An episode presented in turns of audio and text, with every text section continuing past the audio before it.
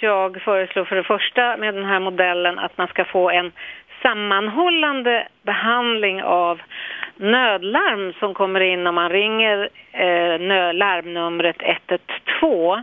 Ja, i framtiden borde det alltså bara finnas en enda myndighet som har ansvar för telefonnumret 112, säger Marie Havström. Idag finns det olika företag som sköter det här. Det största företaget är SOS Alarm som ägs gemensamt av staten och av Sveriges kommuner och landsting. Det är alltid SOS Alarm som först svarar då du ringer 112. Men i vissa delar av Sverige så kan samtalet sen kopplas vidare till ett annat företag. Och det är dumt, tror Marie Havström. Ja, i värsta fall är ju att ett samtal till exempel kan tappas bort, det kan, det kan bli ett avbrott. Men den, den som har ringt upp eh, och är i nöd måste ringa upp igen. Man får upprepa sitt budskap och så vidare och tiden går. Ja, när det brinner eller om en person är svårt sjuk så är det alltså väldigt viktigt att få hjälp snabbt. Från början var SOS Alarm det enda företaget som hade ansvar för telefonnumret 112. Men sedan år 2011 så finns det vissa landsting som också tar hjälp av företaget Medhelp.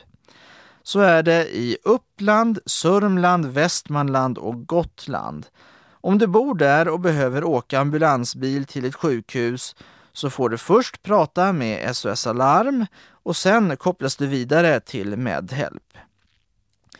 Även i Stockholm finns det planer på att ta hjälp av Medhelp från och med november nu i år. Och den chef på landstinget där som har ansvaret för ambulanserna är Gustav Åhlén. Han tror att de stockholmare som ringer 112 nu i höst kommer att få bättre hjälp än tidigare. Eh, vi, har, vi har högre krav på tekniken. Vi ställer krav på specialistutbildade sjuksköterskor ska svara i telefon. Och vi satsar ytterligare 20 miljoner kronor på den här tjänsten. Så det är en, en eh, satsning på verksamheten.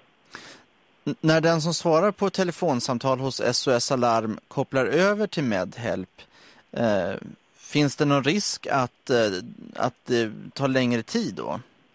Nej, vi har ställt krav att man ska svara inom åtta sekunder när den här överkopplingen sker. Och det är samma krav som är idag. Ja, Gustav Åhlén tror alltså att Medhelp kan skicka ut ambulanser lika snabbt som SOS Alarm gör. Men många tvivlar på det. Det säger personer på SOS Alarm i Stockholm som vi har pratat med. Och det tror också regeringens utredare Marie Havström.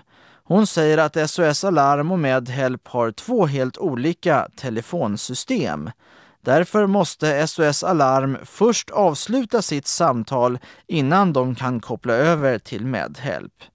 Marie Havström föreslår idag att alla som svarar på samtal från 112 i framtiden ska ha samma telefonsystem. Då kan flera personer vara med i samtalet samtidigt. Det är någonting som jag säger är väldigt viktigt att man skaffar gemensam teknik.